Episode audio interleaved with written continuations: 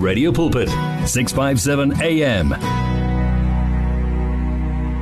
Yes, he is our God and King. Uyinkosi yamakhosi, kekhosi yadikhosi. Eshola uTony McClacken phambi kwakhe siphongwenya ekanye noThina Zungu bethu Jesu. Ufika ekseni um 15 after 4 o'clock singene ke esigabeni sokugcina njengoba ke selishayile elesine ihora ila ke singena kwi discussion yethu kanye nomfundisi okhumotso mudisele muruti dumela. Sesibahle. Le kae moruti. Ke a le dumedisa lebitsong le le matla la morena Jesu Kriste amen. Um kereke ne le yang ka jeko ne le online. Uh normally harayetsa the online but we encourage yes. uh, the work uh, the not the workers but the uh, the congregants uh, yeah. who fellowship in their respective places oh okay all right Muruti em nanamhlanje sisaqhubeka ngodaba lwethu. Em njengoba ke siyesa buka ukubaluleka eh kwe kokufasta ukuyincisha ukudla eh kanye nokukhuleka. So last week siyesa buka ukuthi um i true meaning of fasting indaba sithathe encwadini kaIsaiah uh, 58 from verse 1 to um 14 and uh, namuhla ke siyaqhubeka ngayo le ndaba. Eh sizobuka nje different types of fasting esifundiswa ngazo eBhayibhelini and re tlo lebella gape hore ke manga tshwantseng a fast fasting is, is it for everyone? And re fastela mang muruti yeah ke tsona dipotso tse tse ngata. Most people are yeah. asking the uh, that question. Ba butsisa the uh, who of the fast. Yeah. ba butsisa uh, to whom of the fast. Ba butsisa hore for how long should the fast be because there's a 7 days there's yeah. 21 days there's 48 yeah. uh, there's a 40 days and 40 nights and all there are a lot of questions that are asking the what and even the places and even the person will ask you yeah. where exactly uh, can I can I fast mhm yeah. so today re kena go yona taba is specific instances of fasting let us unpack taba e moruti e re ke simolle mo ke felletseng even uh, uh, last week yeah. because ntoma tomo o tshwantse to understand gore ga re bua ka the fasting like uh, last week ile ka bua ka the dual nature or uh, uh, the dual existence of a man yeah. to say that uh, we are a spirit living into into into the body mm -hmm. and i even explained that when we speak about the fast fast are involving only uh, what do you call abstaining from the from the uh, from the food yeah. but there is also the the spiritual uh, part of it the spiritual components yeah. and i'm glad that one of the listener last week uh, we la hlalosa gore mm. we re tlhoka that part uh, re tlhoka then the power of the holy spirit mm -hmm. and today ke tlo thoma hoda mo re felletse mo teng because uh, re tlo bua ka the instances or sibonelelo of the of the of the fast and uh, re tlo lebella uh, various uh, scriptural uh, ref, uh, refer, uh, references and when you look into the Bible, you will realize that uh, the the fast is also is into is a discipline or maybe the practice. Yeah, both Old Testament and the and the New uh, Testament. And in Thomas Thomo ya o tlhaloganya re tshwantse understand gore ha re bua ka the fast exactly what's the meaning because if you go back to uh, our our scriptures are Isaiah as Isaiah 58 especially oya mo verse 2 ya teng ya tlhalosa clearly the definition of the fast. The fast must go with the seeking. If there is no seeking because there it says for a day for day after day uh, they seek me out. If there's no uh, uh, seeking seeking of the Lord then we cannot call that uh, a fast. Because if you go in the book of uh, of uh, Acts uh, chapter 20 23 uh, verse 12 remember that there was the Jews the Jews that fasted. The bible says uh, they abstain from uh, they deny themselves uh, the food and even the drink the the the drinking. And the purpose when we look into the purpose there the purpose was uh, for for Paul to be killed. Then you see that uh, it lacked that element of a seeking seeking seeking God. If there's not the seeking part of it and the likes then we cannot call it a, a, a fasting. We rather call it a, a, maybe a starvation. Uh, you strive you only uh, starve uh, uh, yourself. It doesn't fall within that definition. And let's go to those instances of a of a fasting. When you go in the book of uh, Exodus chapter 34 and uh, verse 20 28 let me first start by saying that there are settings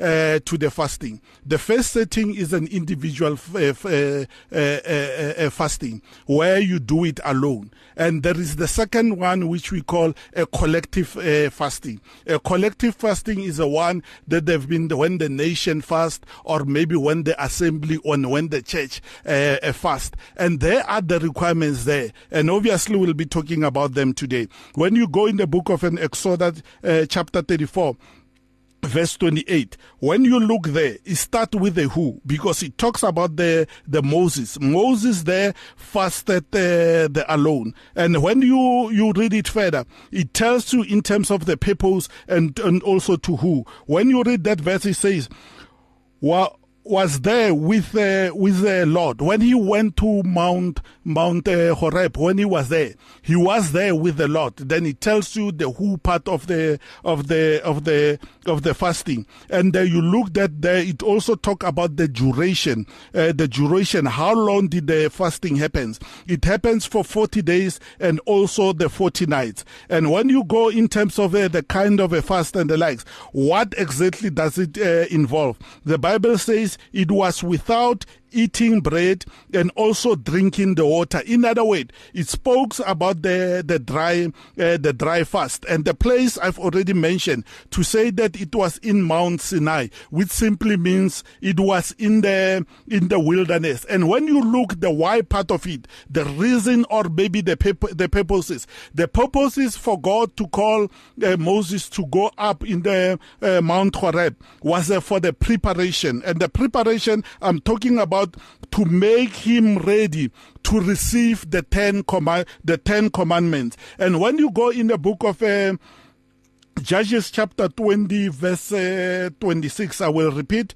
Judges 20 uh, uh, verse uh, 26 then there is another settings. It's all about uh, it says all the Israelites. And uh, when you look in terms of uh, the the the to whom of the of the fasting it says they they there they were said and the weeping before the Lord. You can see that there's a seeking part of it. With Moses, what we read, he says he was with the Lord. And here in Judges again, it says they were before the Lord. And here it talks about when you look in terms of uh, the duration, how long was the, the fasting? The Bible says they until the the evening and here we are talking about the whole assembly we are talking about the whole uh, the whole uh, uh, uh, uh nation and when you go in terms of uh, the kind of the uh, the fast. What exactly did they involve? The Bible says uh, they fasted, and uh, and it says they presented burning offering and fellowship offering. In other words, it was a dry fast. It was a, a dry fast from in the morning up until the evening. Because remember that uh, when you do it as a as an assembly, as a church, as a nation, there is a directive. In other words, we need to follow uh, the directive from the elders or from the judges, from the elders or from the the judges. Because remember that the book of the of the judges, it was that time of the judges which we call them the leaders. It can be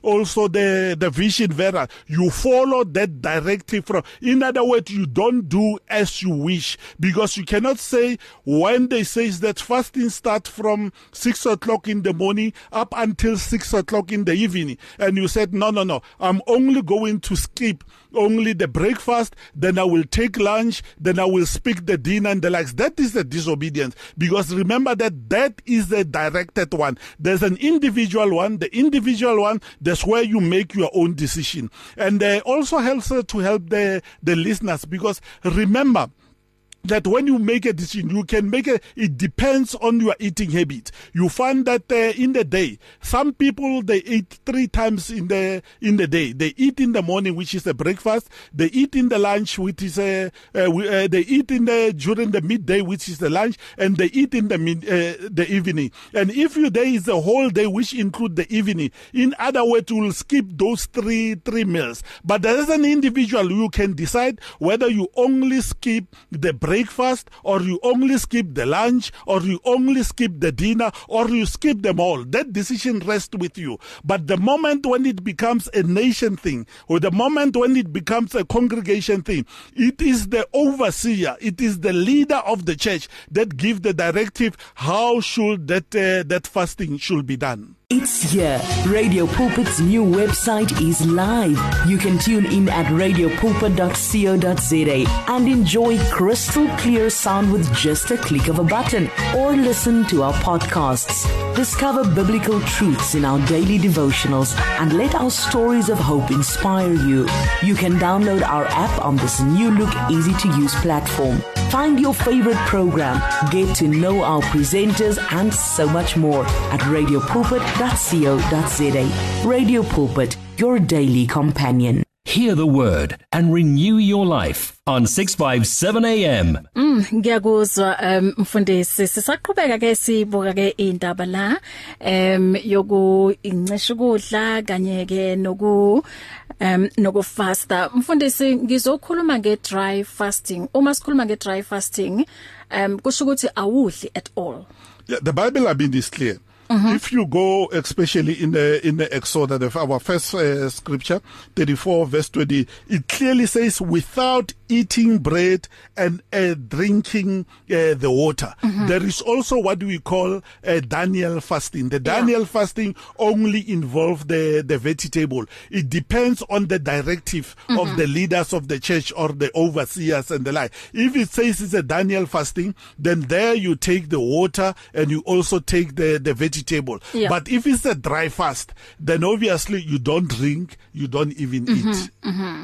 So njengoba ke sibukile different types of fasting, ngabe um go na le batho ba ileng gore ba um fasting e ba tshwanetseng ke e and then ba fasting e ba tshwanetseng ke e or um tla ke re maybe moruti are re kena mo Daniel fasting um kereka yotlhe tshwantse e tsene go Daniel fasting a go kgathalatsega gore mabaka a go keng.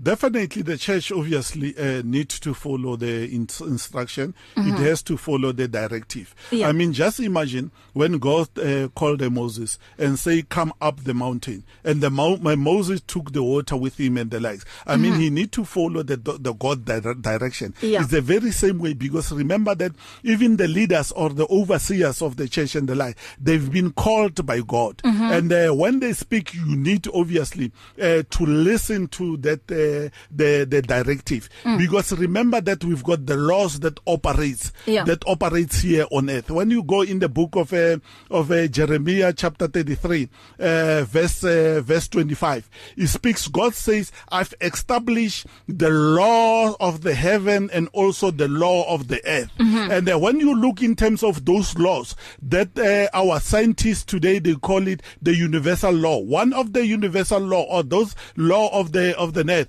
and also the law of the heavens. It talks about the uh, uh, uh, the law of uh, oneness. In other words, there must be the oneness so that you allow that flow of the the Holy Spirit. And remember also with the disciples when they were praying, they mm. locked themselves. They were in the in the one place. They said they were in one accord, which simply means it emphasized that law of the the oneness. All of us we need to do the one thing. That is why it's so critical that we become to that law. We become obedient to that uh, the directive that mm. they've been given uh, by our leaders and all those kind of a thing. Mm-hmm. And there's another second factor. Maybe somebody says, yes, there are those uh, weaker Christians, and mm-hmm. the weaker Christian in the sense that they do have uh, some medical challenges, yes. like mm. an older. Then how do you do? Obviously, the directive uh, will come also from the church leaders. Then I will give an example from us, especially with the elderly, the people that forgot the, maybe the medical challenges and yeah. the likes. We encourage them that whilst the church goes into a dry fasting, then we said them you can take your water or maybe you can drink a, a juice or sometimes especially with the elderly and the like. We said that whilst the church goes up until maybe in the evening, then you can break fast. Uh, you can uh, break the fast maybe around tw- uh, uh, uh 12 o'clock and all that. That is why I'm saying it's a matter of a directive. Mm-hmm. That is why it's so important that when we enter into into uh, fasting, mm-hmm. then we need to go in one spirit and we need to go in one accord. Yeah. Because the moment when you say as an individual, no, I know better than my my spiritual parents, or mm-hmm. I know better than uh, the vision bearers and all those kind of, uh, and you do the thing, uh, your own thing, you fall exactly in what we mentioned last week in the book of um, Isaiah 50, 58, and especially verse, uh, uh, I think it's uh, verse 4, where it says that, yet on the day under fasting, you do as you please. In mm. other words, you don't do as you please. Yeah. If there's directive, you need to obey the directive. You mm-hmm. cannot do things the way that you want. Be otherwise you are not going to be in one spirit with the whole other congregants. Mhm.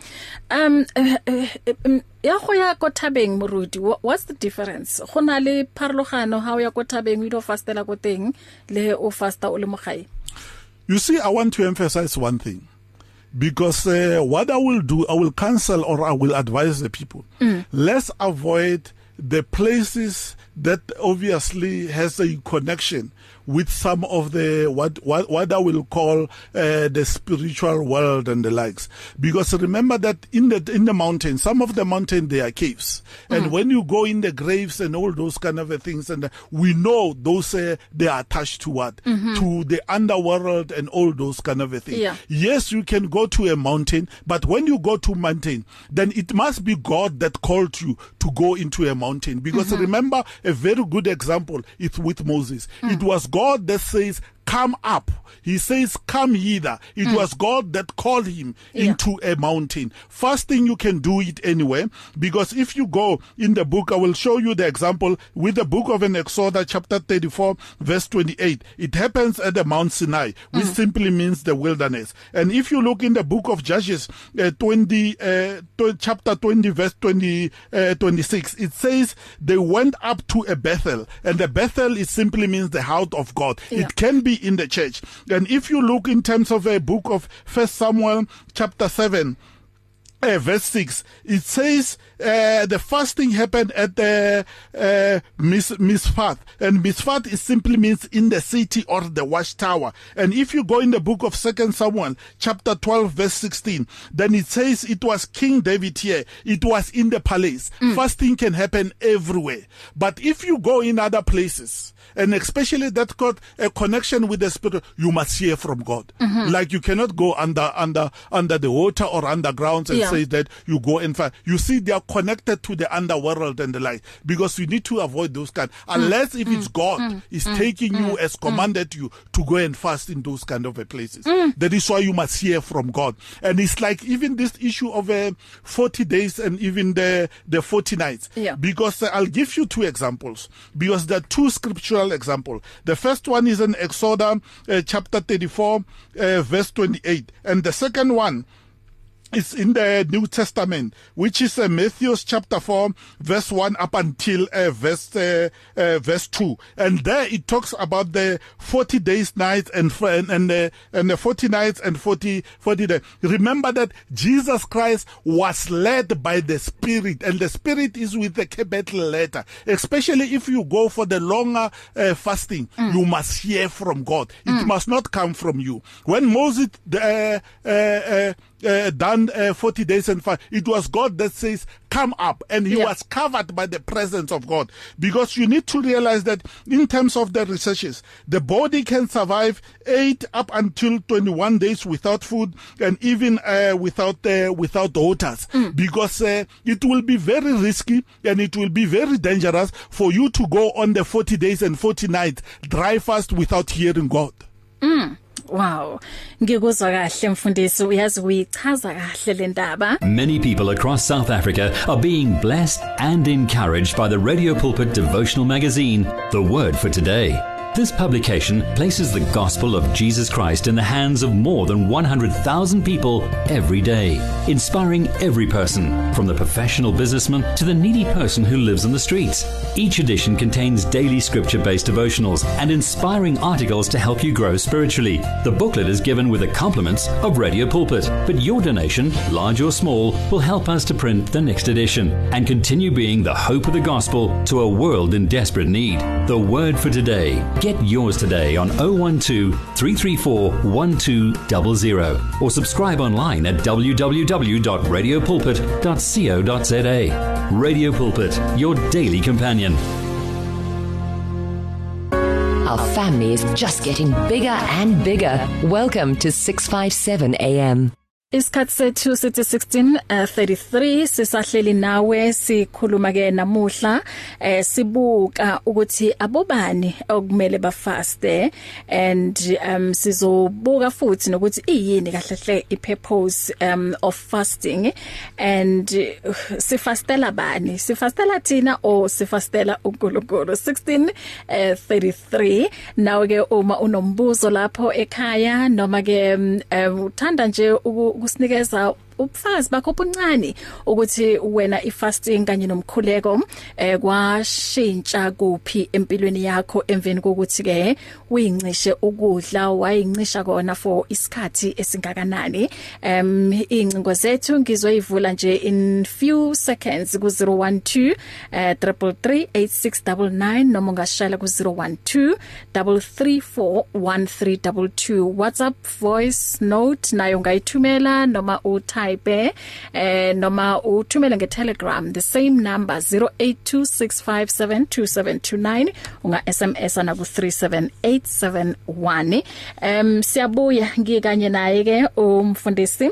Uqhomotso mudisele It's here. Radio Pulpit's new website is live. You can tune in at radiopulpit.co.za and enjoy crystal clear sound with just a click of a button or listen to our podcasts. Discover biblical truths in our daily devotionals and let our stories of hope inspire you.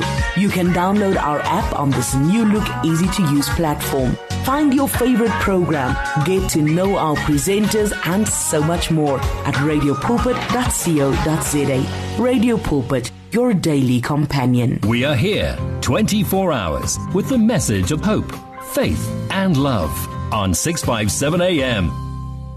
This is a public service announcement out of concern for your safety. And we at Radio Pulpit would like to remind you to follow the safety guidelines as indicated by the South African National Institute of Communicable Diseases and the Department of Health to keep COVID-19 under control in our communities. If you or a loved one presents with symptoms or if you believe you were in contact with an infected person, call the emergency hotline 0800 029 999 for assistance. It is everybody's responsibility to practice the advised hygiene and cleanliness guideline as set out by the government. For more, visit www.radiopulpit.co.za. ungashayela ke ku 0123338699 012334 1322 uma ke nawo uthanda uku eh Paul kulolu daba em noma ke unombuzo. Murutu teng mo tla khwaraba eh, ngendaba ye fasting kanye nomkhuleko mhlambe ke usesenayo lento ukuthi hayi mina indaba ye fasting angeke understand kahle. Em noma ke uthumele voice note em noma uthumele i telegram ku 0826572729 sawubona usemoyeni Nkosazana Kalimambo. Uyibeka kahle umfundisi indaba iyezwakala kamnandi. Mhm. Eh manje ke lapha encwadini kaLuka 3 verse 21 Mm. uma uJesu uma abantu bonke babhabhathizwa noJesu wabhabhathizwa lapha Mhm mara uma sethandaza uJesu uma sethandaza Mm. izulu lavuleka. Isho njalo eBhayibheli. Yeah. Kwavuleka izulu. Umoya kaNkulunkulu wahlala phezulu kwekaJesu. Uma ethandaza kunendaba le yokuthandaza la kithi nabantu yokukhuluma noNkulunkulu. Mm. obese umthule kungasaphenduleki ele ihlupha abafundisi abaningi. Ikhona nalapha encwadini ka ka Johanna 4 ka Johanna 11 verse 40 not 42 so. Athi Jesu ngiyazi ukuthi uyangizwa ba. Mm. Mm. kodwa ngenxa yalesicuku lesi esi lesicuku lesi ngifuna ukuthi sikholwe Mm. eh manje kunalento lento ibangwa yini communication kunalento bespiritual communication entendement Mm. ukuthi omunye uma ukhuluma ngakuze omunye kusho Yeah. ele ihlupha thina abantu iphakathi kwethu thina noNkulunkulu Mm. ukuthi imikhuleko manje ubona umuntu ezahamba yozila abe mathambo athi ufuna ukuwisa mathimoni aphethe ngapha yozila sokugcina kuwe yena khona lesigangeni le. Uma sebamphethe bamisa kudokotela kulento suke bephezulu kwamandla kadokotela angasakhona ukumlapha udokotela ngoba sokumathambo phela kasanamanzi emzimbeni. Eh wena mfundisi. Ah mfundisi ngiyayibona that is why I emphasize the whole thing the whole point to say that if you go for 40 days and 40 nights you must hear from God. And there are scriptural references to that. The first scriptural references is in Exodus 34 verse 28 when Moses went up to a mountain for 40 days and 40 nights fasting it was God that said come up. And when Jesus Amen. Christ went for 40 days and 40 nights, it was the Spirit with a capital letter, the Holy Spirit that led him there. You must go with the power of God. Without the power of God, you will end up in the hospital, you'll end up with the trips. Injalo. mm, 012 uh, 3341 322 012 333 0699 xhumana nathi ke eh sikhona la emoyeni um, ku AM 657 sikhuluma ke um nge fasting kanye nomkhuleko. Eh Muruti ngale e Lady Smith e KZN bathi balalele. Umfundisi uMonti Dlamini uthi good teaching by Pastor Khomotso on fasting. Siyabonga mfundisi wami ukuthi ke ungene. Okay uhambile ungabuya futhi 0 0123338699 012334 1322 eh njoba ngisho ngithi nanoma ke unobufakazi um eh, khuluma nathi sizwe ukuthi wena ifasting yakusiza kanjani? Um mfundisi njoba ke kwamanje sibhekane nalendaba ye COVID-19 mm. fasting and prayer iyadingeka. Yeah, need a, lot. Mm-hmm. Because remember what the book of uh, Second Chronicles, uh, chapter 7, verse 14, mm-hmm. says, If my people yeah that are called by my name mm-hmm. humble themselves yebo and pray Mm-hmm. And uh, I did explain that uh, word humble. Mm-hmm. The humble is simply means we approach him with an humility. Yes. And it's the very same way that we see in the book of uh, Isaiah 58 and uh, I think it's on the verse 2 if I'm not or verse 4 if I'm not uh, mistaken mm-hmm. because it talks about we humble ourselves but Yeah. yet you don't see you humble yourself Yeah. and it says you turn away from the wicked ways Yeah. then God will bring the healing we need Yes. the prayer and the fasting for this coronavirus mm-hmm. and uh, there's a part that we need also to play and that part is to turn away from our evil we need to truly seek God we Yeah. need to truly pray to God and uh, next week we'll be talking about the the prayer mm. so that we can understand that when we speak about the prayer exactly what are we talking about mm-hmm. uh, we are not talking about the religious prayer but we are praying about the prayer that reaches God that touches the heart of Yeah. God I will explain it in details next week Wow. Um sisindlule ngama um, messages lana greetings uthi is it right to drink juice during fasting and how to break a fast? Um, remember that uh, God also gave us uh, what we call it uh, the wisdom, mm-hmm. and He also called us uh, what we call uh, prudence mm-hmm. and uh, uh, uh, pro, pro, providence. The providence I'm talking about the uh, the God uh, care through the medical and all those kind of a thing. Yeah. Because uh, if you go into the physiology of the body and the likes, mm. you will realize that when you do uh, the dry fastings and the likes, the body, especially in the stomach, it released uh, what you call it pancreas juice, uh, the pancreas uh, uh, uh, juice. Mm-hmm. And when you take it to that, pre- it's going to worsen your condition. Mm-hmm. It is advisor. It is not advisable medically, really, to take uh, something that is sweet, like uh, like uh, what do we call it, like a juice and the likes. Mm. But it is advisable to take the water instead, mm. rather than drinking uh, sweety substances and all those kind of a thing. Oh. And ke ke ke which type of fasting e re ka yenkang moruti re tshwaragane re le bana ba modimo for COVID-19? Uh, I mean, there are a lot of, uh, if you look each and every scriptural uh, references, it tells us about the, the, the, the dry fast. The, the, what we call it, the fast that was taken by Moses mm. is called the dry fast. The fast that was taken by all the children of Israel in the book of Judges chapter 20 and the like, it was uh, the dry fast in the morning up mm-hmm. until the day.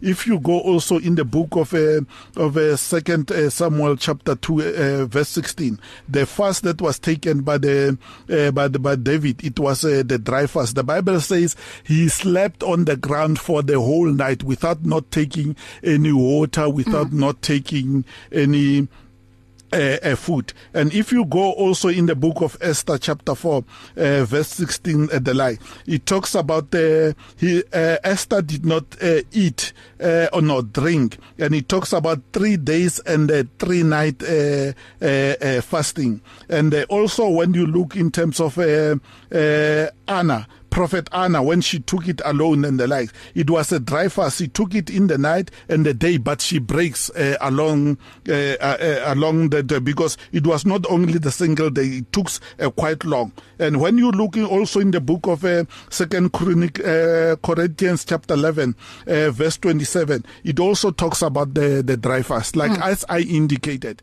if maybe for example God call a nation of South Africa uh, unto repentance because remember God will speak through the prophet yeah. and uh, the prophet will give us a direction whether is it uh, should we go for a dry fast and for how long and mm-hmm. all those kind of a thing or whether should we go for the one for the Daniel fast and uh, because mm. we need to hear from the God when we go as a nation because that is why I mentioned that this uh, corporate fast the one that we do in the churches the one that we do as a as a as a nation because that comes as a directive then the directive must come very clear mm-hmm. exactly what kind of a fast should we go if it's a dry fast we'll go for dry fast and it will be specific from what time up until what time mm-hmm. or for how long mm-hmm. uh, how many days should it involve and once the prophet remember that uh, God previously spoke to us the prophet and now he speaks us, uh, he spoke to us through his son we'll get the, that directive from God exactly what kind of a fast should mm-hmm. we do as a nation Wow. Um nansi voice note uh, ngicela silalele la mfundisi. Oh, qalile futhi. I don't know what's happening. Okay. You and 657 AM and life, a winning team on the road to eternity. At Radio Pulpit, we love the interaction we have with our listeners on all the social media platforms. It is also our way of giving everyone a voice that can be heard all over the world. Unfortunately, we have been experiencing huge difficulties with WhatsApp for a while now, and we are now forced to find a viable alternative. That alternative is called Telegram. Telegram is an app that works exactly the same as WhatsApp, and it uses the same telephone number as well. All you need to do to be able to chat with your favorite presenter is to download the Telegram app onto your phone and send your message or voice note the same way you always did. We will then be able to receive and answer your message faster, and the privacy on this app is much better too. So, whether you have an iPhone or an Android, the app pic is a white paper plane in a blue circle. Please download the Telegram app right away and make life easier for everyone. From your ear to your heart to your mouth to your feet. Join this life on 657 AM. ke le dumedisa ka lebitso la jesu kriste. Ke kopa tshwarelo ne ke sa mamela last week. Ke kopa go botsa gore a motho a ka fastela bolwetse na? Ke gore ha motho a lwala a tshwere ke bolwetse bo bo rileng a motho a ka fasta na? Gore ntate modimo a mo fodise bolwetse boo. Ke a leboga. Ke sis pops. Thank you bye bye Bye bye sis Pops. Eh moruti ke eo potso. Your answer is in the book of 2 Samuel chapter 2 uh, chapter 12 verse 16. Remember that uh, when David uh, fasted he fasted for her her sick uh, uh, son and the likes. Yes you can fast uh, for the sicknesses so that God can uh, can uh, can can heal you. And if you look in terms of uh, of uh, the why of the fast day it was uh, for the pro provision which is uh, uh, the supply of the need because mm. he needed uh, uh, his son. Uh, to get healed. Yes, you can fast for the healing. Second mm. Samuel chapter 12 verse 16 give us the answer. Wow. Sis Pops, 2 Samuel 12 uh, uh, 12 uh, verse 16. Um it's isibonela enye i message. Hi sis Bahle and Muruti, I wanted to know um I'm taking medication for chronic. So um I wanted to know what fasting or which fasting must I take cause I uh unka medication in the morning and night. Okay, re tsamara pa moruti ke kopa re nke call mo. Um sawubona semoyeni? Kunjani ma?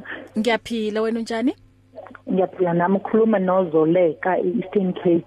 Sezowi siyakwamukela ma. Eh ngiyabonga. I-fasting yanginceda mina 2013 ne. Mhm. The 2013 ngiyafasta when I was looking for a job, ne? Mhm. Ngafasta 3 days. Wow. but ngangazi noba i-dry fasting noba yini kayibizwa but kwaba khona into ethi ngifaste because ngifuna umsebenzi Mm. and ngawuthola umsebenzi nawo ngiyasebenza Wow, bo fasta kanjani? Um imini hayi yonke. bengihlala endlini bengihlala endlini ngiyi-one ngithandaza and inhliziyo yami beyibuhlungu kakhulu ngoba ngiyofuna umsebenzi Mhm. ngingawuthola umsebenzi for a long time and ngiyawuthola umsebenzi ngiyasebenza ngoku uNkulunkulu waphendula. wangiphendula Ah, sesizoleka. Siyambonga uNkulunkulu. Siyambonga. now uNkulunkulu. ngi-vip protector ngoku ngi- i'm happy You're happy. Um Muruti, maybe we have something so batla ngosikhomenta ko Mam Soleka. Definitely what she says fall perfectly in the book of uh, Isaiah 58 verse 1. Remember what we said? We said you shout it loud. Whatever Yeah. the need that you need uh, from God, you shout it loud. You make God to know it. And once you cry unto God, God will answer you. If you read this, uh, uh, the very same chapter and the like, it tells you that God even says, here I am. He Yeah. will come down for uh, for you for as long as you meet all the, the the requirements that are there for as long as you seek him then he will come because God is not far from us Ah, sesizoleka. Um si sijabula nawe ma. ngiyabonga Amen. Amen. Um okay, tisifunde la enye message we thank uh, you Muruti for the wonderful message. It has taught us a lot and we now know the importance of fasting. Your daughter Muruti umolemo. and you know oh umolemo hi umolemo welcome. Okay ariyeko uh, lining sawubona usemoyeni Nkosazana Kalimambo Eh omunye uba manje kunalokudla lokhu uma kudliwayo umuntu mayonzila mhlawumbe uthatha amana ngamaningi. Yeah. Eh manje umunye ubaba wafika le kuba usilinda le. Athi babe ngifuna kuyothi ngisho ukudla. Insuku luthayo le insuku lethi inkosi yathi ngisha wona lamalanga inkosi yathi ngisha wona. Yeah. Ngifuna emashumela amane emalanga aha. Kuseyize futhi nobusuku bumangishumela amane mm. Manje ke uba usinalo umthenela ukudla mm. abantwana bahamba bawuphaka ke wabuya nako udlula khona wathi ah kuncane lokudla baphaka inyama yenkomo enyama lidliwa amakhosi lekasilinda kuyadliwa phela le. Manje babuya nowadla umfundisi wabe sewuya le roomini yolala kuthi ngakusasa ngalesikhathi lesi ayazile ngazo a- ayadle ngazo. Sewalamba kakhulu ngomafutha lawa. Hayibo Eh, walishaya isezi wakokota efasteleni wabantwana bomthengela ijuice yeah manje kukhona lo ngathi singakudla lokhu uma siyongena ekudlileni aha ya ngakhulukhulu banye lawa abanolwazi kahle ngezonye ipitsheri semfino lo kahle lo. Yeah. ispinach lesi. Siyahlala emzimbeni isikhathi eside. Aha. Eh manje ke kwabhizo kuzokhuluma futhi kunomthandazo lengengawuvumbula we8 hour. Lo uyawenza noma ungazilanga lo? Uma uyenze wona ufana ukuthi uzilile. Oh okay. 8 hour uqala ngo7 kufika u3 o'clock 8 hour. La ngangenza kanjalo mina. Mhm. Manje ke laba ba- badla amaphilisi. Uma udle treatment ke kukahle udle treatment udle ukudla sewuthandaze manje. Mara ngoku uyiqede yonke le 8 hours selokhuluma lo uzozizume kanyana ngobuthonga yabona? Eh manje ke uphinde uvuka uthandaze kanjalo njalo njalo njalo nje uthandaze. Eh kanti mama kozozana nadedela bani? Ay Kalimambo siyabonga um okay sisithatha omunye sawubona usemoyeni? Oh, I don't know. What happened. Okay, uzobuya futhi. Eh sithathe nansi i voice note. Greetings in the wonderful name of our Lord Jesus Christ. Uh, Sisibahleli Moruti, thank you for the topic.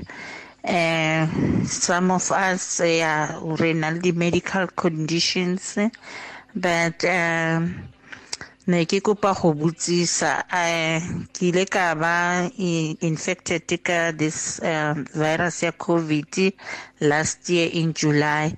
So sometimes ha ke re ke a fasta eish go ba boima. A ke tsebe gore what is happening and then ke na le condition ya bo di ulcer le bo like ke ile ka ba le hernia so for me ho fasta like a dry fasting or fasting e ena e serious ga go ya gore ke se ka ja at all e nkhosetsa gore ke be na le ulcer gagolo so ke kopa advice go moruti gore what must i do? Because actually for me since ke na le ke ile ka ba infected ka covid ke na le go bana le tlala e nngwe e nngwe e e botlhokonyana. So so a ke tsebe gore what can i do can moruti help on that Okay, um simzulu mama, I think Moruti ena re ka ikopantsha le ela ya um, me a medical conditions Yeah, yeah, yeah. yeah Mhm. Ah. Ongang medication, yes. answer ya gage e mo e Isaiah 52 uh, verse uh, 58 uh, verse uh, verse 2 because uh, the moment when you see God remember that when God come down Mhm. he comes down with his power which is the power of the Holy Spirit Yeah. and uh, the power will be able to refresh you the power will also even uh, strengthen you mm. but the most critical important thing is when you are on the on the on the medications and yeah. the likes mm-hmm. and uh, some of the the chronic medica uh, for, uh, the medication that you take for the chronic things obviously you cannot take them uh, maybe without eating then that is why I'm saying when you fast as an individual you will decide and you will make an agreement or a covenant with God mm. you say God look at here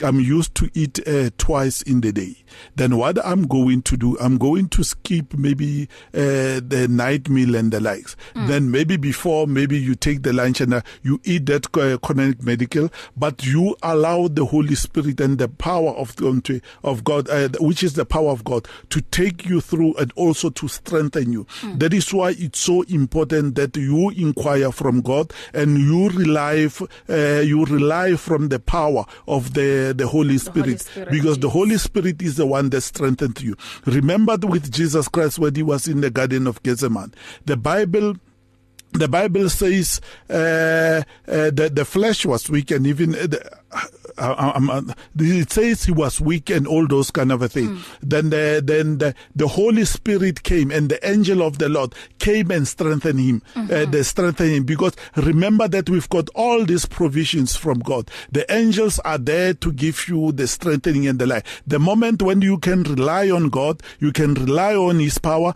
There is also that strengthening. He will assign the angels for you and the light, but you must hear and you must take even directive from Him. Mhm. Mm.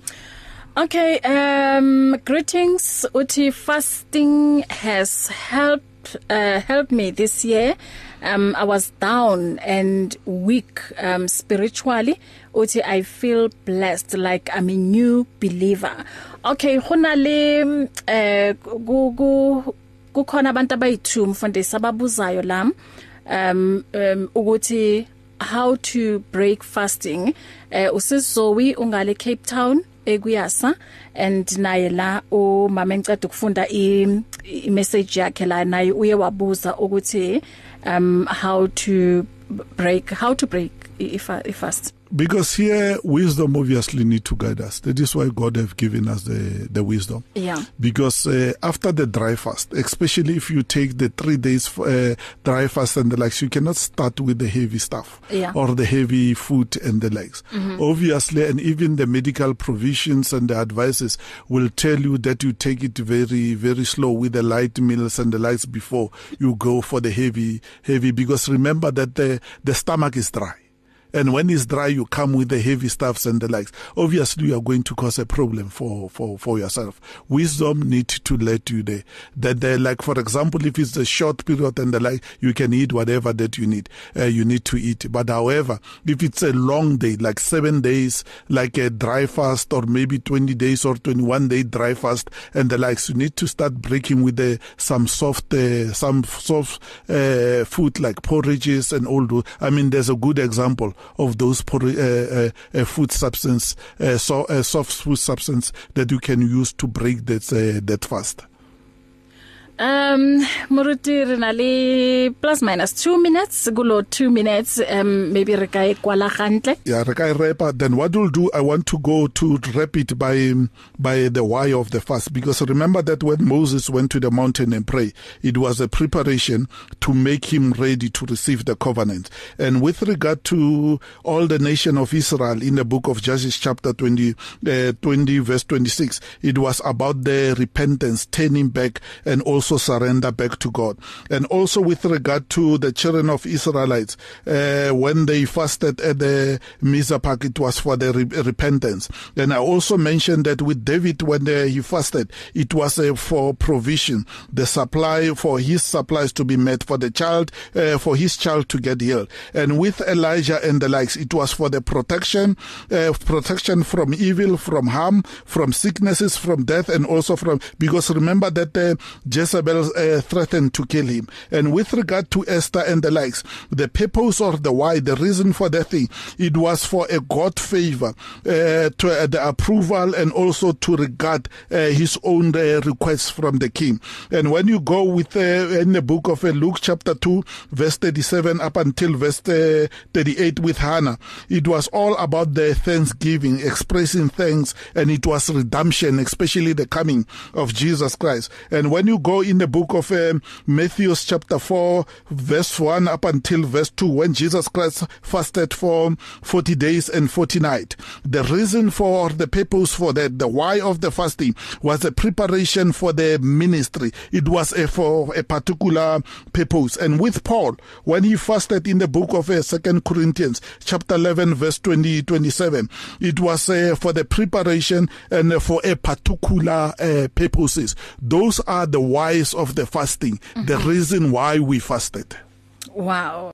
Muruti, thank you so much. Um mhlawumbe abanye bangathanda ukuthi ba xoxe nawe ungasekho la emoyeni bakuthola kuphi Bakankriya on uh, my WhatsApp number which is uh, 081 017 triple nine two or you can also uh, connect me or maybe link with me on the my Facebook uh, page which is uh, Komotso uh, Mudisel Komotso with a with a with a G. Mudisel I will repeat my number 081 017 triple nine two. Shalom. Shalom Muruti a re kopane gape go bekeng e tlang. Em se le shaileke elesihlanu ehora o pastor Ray Khodi uzo qhubeka nawe until 7 o'clock. Mina nawe ke sizohlangana futhi ekseni kusasa 4 am until half 5 shalom. It's difficult to face the overwhelming pressures of life alone. Sometimes we just need someone to talk to someone to listen to us.